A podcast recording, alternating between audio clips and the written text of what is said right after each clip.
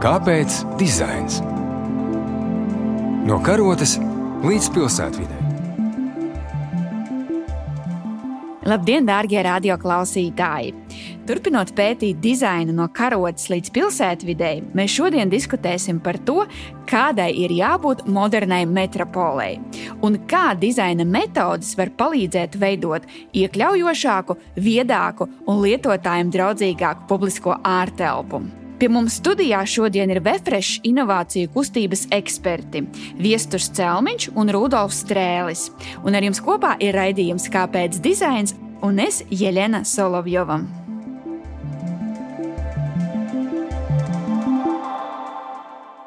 Mani sauc Viestures Celmiņš, es esmu pilsētplānotājs un Vēfreša kustības vadītājs. Mani sauc Rudolfs Strēlis, un es pārstāvu Latvijas mobilo telefonu kā Vēfreša biedrs. Mēs šodien esam sapulcējušies, lai parunātu par vietpilsētu, par inovācijām un par Vēfrešu. Izstāstiet, lūdzu, kas tad ir Vefresh, kas ir šīs iniciatīvas mērķi, kādas ir jūsu prioritātes un arī ko tad rīznieki iegūs no šīs iniciatīvas. Vefresh ir inovāciju kustība, kur ir teritoriāls kontūrs, ja var tā teikt, Rīgas vidzemes priekšpilsētā bijušās VF fabrikas teritorijā. Mēs uzskatām, ka mēs neesam sākuši neko jaunu, bet mēs turpinām to inovatīvo noskaņojumu un attieksmi pret darbu, attīstību un izaugsmi, kas teritorijā ir bijusi vismaz gadus 120. Cilvēki zina, kad pasakā VF, kur tas pilsētā atrodas. Tas, ko mēs darām, mēs domājam, kādā veidā šī teritorija varētu būt analogs VFam 21. gadsimtā. Mēs skatāmies uz to, ka 21. gadsimta, protams, nosaka mūsdienu tehnoloģijas, digitālas tehnoloģijas. Un viena liela atšķirība ir tā, ka digitāla tehnoloģija pasaulē neviens nevar būt tāds, kā teikt, Indiana Jones, viens no karotājs. Un tā ideja radās pirms kādiem gadiem, trīs ar pus, kad uh, lielākie uzņēmumi, kas ir IT nozarē, sanāca un teica, kā būtu, ja mēs strādātu kopā, lai radītu pakalpojumus, produktus digitālam laikmetam, valstī, pilsētai un darītu to pēc iespējas konkurētspējīgāk, lai mēs būtu nevis tehnoloģiju patērētāji, bet tehnoloģiju veidotāji. Kāds tas iegūms ir pilsētai?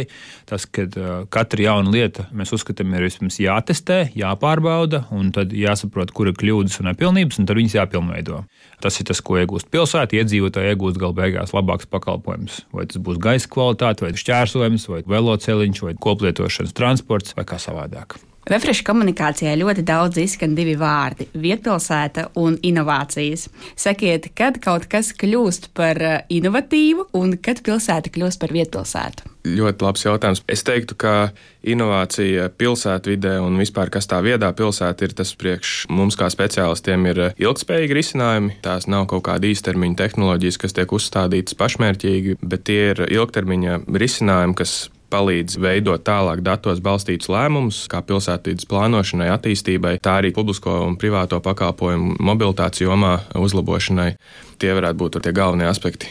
Un kā ir ar vietpilsētu? Mums liekas, ka līdzīgi kā arī kuru citu lietu, tam viedumam droši vien nav tāds centimetru mērs blakām. Jebkura lieta var augt, un tas vietpilsētas galvenais mērķis ir uzstādījums, ir, ka šīs pakalpojumu vai pieeja produktiem ir atvērta. Viņi sākās kā viena lieta, un pēc tam pārdzīvot par kaut ko citu un attīstās. Un tas, ko mēs mēģinām pateikt, ka inovatīva vai atvērta pieeja pakalpojumu un produktu uzlabošanai ir tā lieta, kas līdzīgi kā kritiskā domāšana vai loģiskā domāšana ir daļa no mūsdienu darba profesionālas vidas. Ja, kad tev nav nevienas lietas nav gatavas, viņas ir pabeigts līdzīgi kā Google, kad mēs kaut ko ierakstām iekšā, viņš katru reizi mācās, kā uzlabot to meklējumu rezultātu, un ar katru gadu viņš kļūst precīzāks, labāks, intuitīvāks un saprotamāks. Līdzīgā veidā arī pilsēta kļūst ērtāka, izmantojamāka, intuitīvāka priekš jebkura lietotāja. Tā kā inovatīvs un vietas iet roku rokā, kā jau Rudolf pieminēja, mērķis ir uzlabot cilvēkiem dzīves kvalitāti. Jā, mums ir sarežģīta dzīve, sarežģītas attiecības, sarežģīti darbi, bet galu beigās, lai pilsēta kļūst par ērtu un lietojamu pilsētu. Attiecīgi, pilsēta nerada vēl vairāk sarežģījumus mūsu sarežģītajās dzīvēs, vai ne? Nopietni mēs, mēs skatāmies, ja, ja mēs ietu kājām pa brīvības ielu, nu nav viņa nepārāk droši, nepatīkami, nedz izmantojami. Ja jūs nevarat šķērsot ielu vienā līmenī no VF tilta līdz pat zemgals gatvei, tas ir vairāk nekā 800 metri. Tas neobligāti ir humānākais veids, kā pilsētā dzīvot. Nu, liek piebilst, nu, kāds brīnums, ka šī posma nav ne veikala, nekāda galamērķa cilvēkiem. Cilvēki mēģina izdzīvot, tiekot no punkta uz A un B. Mēs gribētu teikt, kā būtu, ja šī vieta kļūtu par galamērķi, kur cilvēkiem ir patīkami laikam uzturēties savās pāris minūtēs ārpus darba vai mājām. Pagājušajā gadā veicu tādu personīgo testu un maksimāli visur gāju ar kājām. Šogad man ir velogads. Es varu teikt, ka Rīga ir ļoti pateicīga plānojuma mēroga ziņā kājām gājējiem un velobraucējiem. Varbūt infrastruktūra ir vēl attīstības fāzē, bet uh, Manuprāt, Rīga ir ļoti neērta autobraucējiem un visu cieņu tiem, kas katru dienu viena sēž mašīnā un cīnās tajā sastrēgumā. Protams, ir tādi, kuriem tas ir nepieciešams, bet katram no mums droši vien jāpadomā, kā mēs paši izmantojam to vidi apkārt, vai mēs viņu izmantojam pietiekami lietotāju centrēti, un varbūt katram ir no iedzīvotājiem jāieslēdz mazliet tāda dizaina domāšana, padomājot, vai eh, automašīna tiešām ir labākais produkts, ko es varu izmantot šodien. Runājot par dizaina domāšanu, Rudolf, paturpinot tevi, jūs abi ar dizainu esat uz tu un dizaina metodas izmantojat arī Vefresh attīstībā. Jūs varat mazliet vairāk izstāstīt, ko nozīmē uz lietotāju orientēta pieeja pilsētas veidošanā, kā jūs to izmantojat? Jā, mēs to redzam kā maksimālu dažādu šo lietotāju grupu iesaisti, jebkura izaicinājuma vai potenciāls iespējas definēšanā, kas mums dod iespēju daudz precīzāk veidot tālākus risinājumus. Un, eh, pirms nu, jau gandrīz gada mēs veicām vienu kopīgu hackathonu, lai uzlabotu savu apkārtējo vidi kur mēs tiešām nonācām līdz dažādiem ļoti detalizētiem izaicinājumiem, kas šobrīd jau manifestējās pat infrastruktūras pārbūvē, turpat eh, VF apkaimē, tieši lai labiekārtotu un uzlabotu no drošības perspektīvas šo vidi Un eh, tas nebūtu izdevies, ja mēs neskatītos no lietotāja perspektīvas, ja mēs šajā vidē nemēģinātu testēt, kā ir justies māmiņai ar bērnu ratiņiem, kā ir justies tam pašam autobraucējam, starp citu, kuram tur nebija viegli, kā ir justies gājējiem starp eh, automašīnām. Un tā iejušanās dažādu lietotāju skatu punktos tad ir viena no tām galvenajām atslēgām, kas ļauj radīt šos augstus pievienotas vērtības pakalpojumus, infrastruktūru, produktus. Divi tādi, kā pasaka, konteksti, kāpēc dizaina domāšana ir vērtīga. Es savā ikdienā uzskatu to vairāk nevis tādu kā koncertu vai notikumu, ja, bet tā ir tā līdzīga kā loģiskā domāšana, kritiskā domāšana. Tas ir ikdienas kā, komponents, ko tu ieslēdz kā gaismu no rīta sev. Un divas galvenās lietas, ar ko ir jācīnās, ir sevišķi profesionāli vidē. Viens ir sevišķi vīriešiem, ka mēs jau visu labi zinām, kā jābūt, ir, un kā man nekādas padomas nevienu nevajag. Un otrs, kad viss vienkārši darām automātā. Tas, kā tagad ir, ir labākais veids, kā vispār kaut kas būtu. Un tā dizaina domāšana mēģina mēģina izkāpt ārā no tām klišejām un pateikt, klau, kā izskatās varbūt no citas puses šis pakalpojums vai produkts un kā mēs varētu viņu uzlabot no otras puses. Varbūt tāda detaļa, ko es viestur klausoties, iedomājos no tā procesa, ko tas gala lietotājs pienes. Viņš ļoti ātri teikt, nogalina to pliko funkcionalitāti. Jo vienmēr, jebkurš speciālists zinās, kā viesturs saka uzreiz, ko darīt. Ir problēma, ir risinājums. Ja? Un tas, ko mums ienes šis gala lietotājs, vēl kaut kāds papildus spektrs, kas pajauc mazliet to šķietamo taisnību un ienest jaunas vērtības un jaunas skatu punktus uz risinājumiem. Es ļoti priecājos šo dzirdēt, jo man liekas, nekas nav bīstamāks par plikām tehnoloģijām un inovācijām bez uh, domas par cilvēku. Varbūt jūs sabiedrība mazliet vairāk varat izstāstīt par pieminēto hackathonu. Ko tad īsti nozīmē iesties māmiņas ar ratiem ādā? Kā tas īsti notiek? Tāds viens piemērs, kas sākās pirms kādiem gadiem, septiņiem, astoņiem, kad Pēterburgā pilsētas aktīvisti nu, nekā arī netika uz priekšu ar viņu slaveno metro sistēmu. Viņi aizsūtīja pilsētas domnieks, es nezinu, kā viņi to panāca, uzvilkt viņiem apkārt ap vēdu ar tādu lielu spilvenu, veda viņu ar to spilvenu pa tām metro kāpnēm lejā, un pēc tam otra grupa gāja ar ratiņiem lejā. Tad, lai domnieki ieraudzītu, kāda ir tā ikdiena, ja tu gadījumā es izdomāju, ka tev varētu bērni piedzimt dzīvot Pēterburgā, vai tev gadījumā ir ratiņi Pēterburgā. Un tas to metro pieredzi absolūti izmainīja, ka tas ir tev neiespējami iespējama vispār tāda sociāla pašnāvība. Būt ratiņiem vai punci staigāt apkārt pa metro. Un tā ir tā pieeja, ko mēs sakām. Mēģinam izkāpt ārā no savas ikdienas kādām klišēm un pieredzi, ka Rīgā viss ir kārtībā. Mēģinam ienest iekšā iedzīvotājus, viņu vajadzības, dažādas grupas un sakam, kā būtu, ja mēs ieraudzītu pilsētu no šīm krāsām, no šiem leņķiem tieši par uh, mūsu pilsētu plānošanas, apgājumu hackathonu, ko mēs uzzinājām, tas, ka mēs varam atrast plaisas starp uh, dažādu grupu risinājumiem. Um, pieņemsim, pilsētvidē ir dažādi attīstītāji, kas katrs rūpējas par to savu konkrēto vidi. Tie var būt dažādi kvartāli, kas nav savā starpā savienojami, tās var būt apkaimes, kas nav savā starpā savienotas. Bet uh, mums, kā lietotājiem, pilnīgi vienalga, kurā brīdī mēs pārbraucam no Čiekurkalna uz Āgenskalnu, mums svarīga droša, skaista velojosla Un tas, ko mēs atklājam, darba procesā, ir, ka tieši šīs plaisas rada to diskomfortu, rada kaut kādas drošības barjeras kāpēc arī hackathons, jeb cita veida darbnīcas formāti, jo tā ir koprede, kurā mēs dažādas iesaistītās puses varam saukt pie viena galda, un tad mēs varam šīs plaisas mazināt un runāt jau par viedāku pieeju, kurā mēs neskatāmies katrs uz savu mazdārziņu un viensētu, bet uz pilsētu kā uz tādu organismu. Tā kā mēs katru gadu rīkojam šos pilsētvidas hackathonus, tagad būs 27. novembris, kad mēs aicinām interesantus, iedzīvotājus, plānotājus, aktīvistus savus jums profesionāļus sēsties pie viena galda, strādāt komandā, strādāt lietišķi, strādāt atvērti, strādāt ar problēmām, izaicinājumiem un meklēt šīs vertikālas, kur mēs katrs dzīvojam savā gaņģī, savā pasaulē, bet mēģināt atrast kopīgu valodu, kopīgas veids, kā tikt uz priekšu, lai gal beigās eh, mūsu pilsētas iedzīvotāji pēc iespējas labāk varētu izbaudīt mūsu pilsētu un tādā veidā būt par platformu, iedibināt jaunu strādāšanas veidu, kas mēģina ievērtēt patērētāju, gala klientu vajadzības un domāt, kādā veidā mēs to aizskatuvi, ja var tā teikt, padarām pēc iespējas funkcionālāku un ērtāku. Un tas ir tas, ko mēs mēģinām katru gadu izdarīt šajā mūsu darba lokā. Vefriš jau pastāv kādu laiku šī inovācija kustība. Varbūt jūs varat ieskicēt, vai mēs jau šobrīd VF apkaimē varam redzēt kādas viedās tehnoloģijas. Nu, pat atklātajā mobilitātes punktā ir uzstādīti sensori, kas mēra gaisa kvalitāti un piesārņojumu, kur mēs domājam arī apskatīt tādas lietas kā trokšņu līmeni, jo arī trokšņu piesārņojums pilsētā ir zīmīga lieta, kas var dzīves kvalitāti palielināt vai samazināt. Mums ir mobilitātes punkta sakarā uzstādīti arī velo un gājēju skaitītāji, lai mēs zinātu plūsmas jo līdz šim brīdim pat uh, infrastruktūras attīstītāji izmanto veco labo studentu rūtiņu burtnīcu, bieži vien, lai noteiktu, kādas ir uh, auto un cilvēku plūsmas, un tad mēs mēģinām to darīt mūsdienīgāk un jau paredzēt uz priekšu, skatīties, kā šis rajons cik uh, blīvi attīstās. Netālu arī ir uzstādītas no LMT puses sarkano gaismu kontrolas kameras, kur mēs varam redzēt, cik eh, bieži un kā pārbrauc pāri sarkanajām gaismām, jo drošības ceļiem un informācija par to apkārtni un par pilsētu ir eh, ļoti nozīmīgas lietas, par ko mums ir maz datu un tādi reāla laika informācija. Jā, no manas puses viens komentārs, ka bieži vien šīs viedās tehnoloģijas, viņas kā reiz ir neredzamas. Mēs neredzam, kur mums ir iekšā siltuma kabeļi, mēs neredzam, no kurien tā gaisma nāk, vai kur mums ir ūdens. Tas viss ir tāds - neredzamā pilsētas daļa, bieži vien zem asfalta apakšā. Un, līdzīgi ar viedās tehnoloģijas, viņas nav uz acu redzamas, un viņam arī nemaz nav jābūt. Viņas kļūst arvien diskrētākas. Daži no šīm lietām, ko jau Rudolf pieminēja, ir redzamāk, teiksim, mobilitātes punkts, kas ir pirmais Rīgā, pirmais Latvijā, kurā mēs sakam, lūk, ir tāds mazs punkts, kurā to var izmantot kolpētošanas transporta līdzekļus velospēdas, skūterus, mazos motociklus, lai pārvietos no punkta A un punkta B. Kāpēc tas ir vajadzīgs? Tāpēc, ka tad, kad mēs plānojam savu maršrutu, mēs sakām, kā būtu, ja būtu šī pēdējā kilometra risinājuma, izkāpt no tramvaja ārā, un mēs zinām, ka VFS patreiz ir viens liels tāds kā apmaiņas punkts. Cilvēki tiešām kāp no pirmā tramvaja ārā, brauc uz meža parku vai no meža parka brauc atpakaļ tālāk uz pļauniekiem un purciem. Mēs sakām, lūk, pārmīja punktā tev ir pieejami šie kolpotošanas transporta līdzekļi. Mēs atklājām šo kolpotošanas mobilitātes punktu jūlijā, un 8 no rīta tiek atvesti šie skūterīši, un jau pusstundas laikā viņi ir jau pazuduši. Ja? Tā vajadzība, kur to likās, ka nemaz nav, bet līdz ko viņi parāda, un cilvēki viņu ļoti aktīvi izmanto. Vai arī Rudolf minētais velo uzskaits un gāju uzskaits punkts. Mums bija anekdotisks idejas par to, cik ir velospēdisti. Pagājuši četri mēneši, mēs zinām, ir 130 tūkstoši velospēdistu trīs mēnešu laikā. Tagad mēs zinām, ka lūk, šo velo jostu izmanto vairāk nekā 40 tūkstoši cilvēku mēnesī.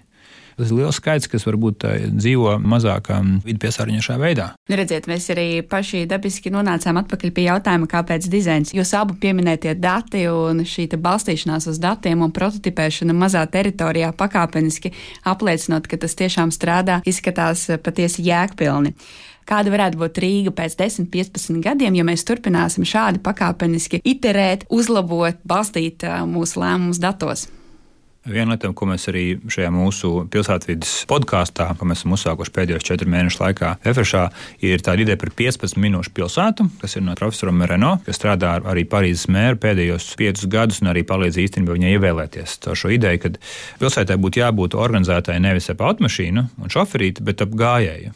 Ja, un ideja 15 minūtēm ir tas, ka ap tavu māju vietu, kas ir viens no atspērienu punktiem tavā dzīvē, viss ir sasniedzams 15 minūšu laikā, kā Rudolf iezīmē šo gājēju perspektīvu. Bērniem vai vecākiem vai kā, tev ir veikals, tev ir skola, tev ir bērnārs, tev ir mazs medicīnas punkts vai klinika, vai arī izklaides vieta vai parks. Tas ir 15 minūšu attālumā. Līdz ar to tu vari izveidot ikdienu, kad automašīna nav nepieciešama. Viņa ir tavā garāžā vai viņa ir koplietošanas, un tu brauc uz savu privātu māju vai brauc spēlēties vasarā, bet ikdienā tu varētu tikt uz priekšu un atpakaļ gan arī visur ar kājām, un tas absolūti mainītu mainītu gan to vidi, kurā mēs dzīvotu. Bērns ir iziet ārā paspēlēties uz ielas. Tas mūsdienās liekas absolūti neiespējami vispār ideja, ka pie mājas būtu 3-5 minūšu attālumā spēļu laukums vai vieta, kur pastaigāties, vai vieta, kur sportot, vai vieta, kur atpūsties. Un tādā veidā mēs to sapni par dzīvi piepilsētā pārnest atpakaļ uz pilsētām. Būtu mazāk trokšņa, mazāk izmešu, tīrāks gaiss, vienkāršāka vide, nevis liela cīņa starp mašīnām un iedzīvotājiem. Tā ir ideja, ko mēs gribētu redzēt prototipējumu jau VFA, kur mēs mēģinām domāt par to, kā mūsu darbinieki nokļūst uz darbu. Vai viņiem ir velo novietnes, vai viņiem ir iespējas iziet ārā, pēlpot svaigu gaisu, iedzert kafiju, vai viņi ir droši pārvietoties starp vienu ēku un otru ēku. 15 minūšu pilsētā man būtu laikam tuvākais veids, kā es to saprastu. Papildināšu, jo man ideja nedaudz sasaucās. Ievadā īsts salīdzinājums atkal ar dabu, ko es nesen novēroju, ka mežā, ja koks nokrīt, tad nav tā, ka viņš sāk tur pūt no apakšas, bet no iekšpuses. Un, manuprāt, Rīgai līdzīgs risks, ka tā centrālā daļa un tas, ko mēs saprotam ikdienā ar centru, tas paliek aizvien mazapdzīvotāks, un mēs redzam, ka daudz cilvēki pārceļās uz pierīgu, ko tas nozīmē, ir vēlme pēc dabas, ir vēlme pēc tīra gaisa, ir vēlme pēc brīvības.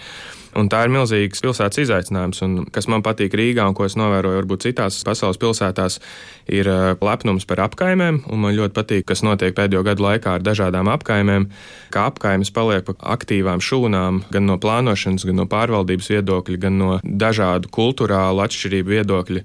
Un es gribētu tajā manā 10-15 gadu Rīgā redzēt, ka Rīga paliek par tādām daudzām mazām aktīvām apkaimēm, kuru vieno varbūt viens karoks, viena pārvaldība, viens nosaukums kā pilsētai, bet īsnībā tās ir daudzas mazas šūnas, kuras autonomi var dzīvot un nodrošināt augstu kvalitāti ikvienam, neskatoties, vai tas ir centrs, pierīga, nomala, un lai tā vidas kvalitāte ir kaut kādās eh, vienlīdzīgās proporcijās sadalīts. Jā, viens no veidiem, ko mēs darām arī pašā apkaimē, no vārdiem pie darbiem, mēs esam kopā ar brīvprātīgiem programmētājiem uzbūvējuši platformu, kas saucās uzlabo.lv.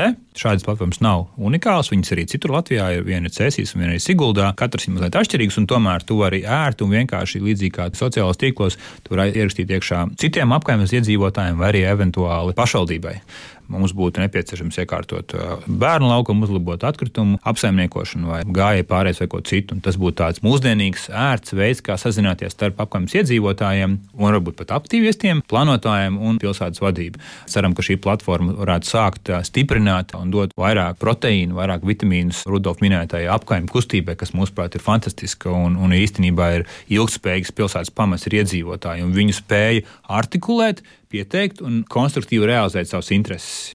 Runājot par tāredzīgu pieeju, ko darīs Vefresh pēc pieciem gadiem, kā jūs redzat šīs kustības attīstību? Tā mūsu ideja nav būt par korķi visām pudelēm. Mēs ceram, ka, ja mēs būsim sasnieguši mūsu vēlamos rezultātus mūsu jomās, kas ir infrastruktūra, kad šī telpa ap Čigurkānu stāciju, ap VF tiltu, kas nav pat mūsu īstenībā, tas ir valsts nozīmes un pilsētas nozīmes objekti, ja viņi kļūtu pēc iespējas ērtāki, komfortablāki un drošāki, ja mūsu apgājuma skolas pilotēs inovatīvus priekšmetus, līdzīgi kā arī mēs kopā ar tevīm veidojam šo dizaina priekšmetu priekš skolām, mēs gribētu cerēt, ka būtu šīs novatoriskās skolas, novatoriskas skolotāji, novatoriskas klases un nodarbības, kurās eventuāli, pieņemsim, mēs varētu tikties divas vai trīs vai četras skolas vienā telpā saucamajās kopredzes telpās, kurās vidusskolnieki, pamatskolnieki varētu radīt inovācijas jau pats savā ikdienā. Tas būtu mūsu mērķis attiecībā uz izglītību un inovācijas. Es domāju, ka mums stāv liels izaicinājums priekšā, ņemot vērā, ka tautsēmniecība digitalizējās, ekonomika digitalizējās, un visiem mums būs jāmācās, kā strādāt kopā. Tāds vienkārši uzņēmums,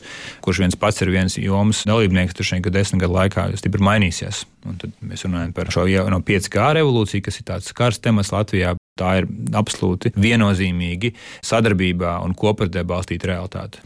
Piecu gadu laikā mēs ceram, ka mēs būtu daži no šīm lietām, kas patreiz notiekās Vēfrešā, viņas notiks arī citur. Mobilitātes punkti citur, drošas eh, gājēji pārējas citviet, viedās apgaismojuma formas citviet pilsētā un zaļi klimatu um, fiksējoši risinājumi citviet pilsētā, kas pēc tam kļūst no izņēmuma par normu. Es tur iezīmēju to lokālo valsts mēroga evolūciju Vēfrešam, bet es gribētu vēl paspiest un tā nekautrīgāk teikt, ka es domāju, ka Vēfrešs piecu gadu laikā varētu izdzīt arī kādus globālos taustekļus. Šobrīd mēs runājam ar eh, Eiropas Innovāciju tehnoloģiju institūtu par to, kā izvietot dažādus hubus tieši šeit, Mefrešā, lai kaut kādos noteiktos pilsētu mēdījos, vietpilsētu mēdījos, kā piemēram mobilitāte, mēs varētu ne tikai vienot lokālos spēkus, bet arī izmantot ārvalstu universitāšu, ārvalstu akadēmisko un privāto spēku inteliģenci, lai uzlabotu pašu vidus kvalitāti. Lieliski, paldies jums tās, vai ir kaut kas, ko mēs neesam pārunājuši, bet jūs vēlaties papildināt? Jā, tas, ko mēs neesam pateikuši, kas īstenībā veido Vefresh, būtu vietā to pateikt. Tie ir apgājums uzņēmumi, kas ir Accenture, kas ir lielākais IT uzņēmums Latvijā kas ir LMT, kas ir lielākais mobilais operators, kas ir jaunā teika attīstītājs, kurā teikt, šie cilvēki strādā oficiālos, pilāra attīstītājs, elektronikas datorikas institūts, kas ir akadēmiskais spēks, startai tīk, kas ir lielākais IT izglītības veidotājs, un VF kultūras pils, kas ir pašvaldības kultūras centrs. Šie ir tie spēki, un mēs pakāpeniski arī augam aicinām cits pievienoties mums, protams, mūsu darbam, mūsu mērķiem un realizēt jebkuram cilvēkam aktuālas lietas pilsētvidē. Kopā mēs pilnīgi noteikti varam izdarīt vairāk kā pa vienam, kā jau jūs ieskicējāt. Paldies par jūsu klātbūtni, lai izdodas turpināt veiksmīgu darbu pie gudri un labi dizainētas pilsētas un uh, uz tikšanos. Tiekamies Akatonā. Tiekamies, paldies! Kāpēc dizains? No karotes līdz pilsētvidē. Pirmdien, 9.5. ar atkārtojumu sestdien, 18.18. 18.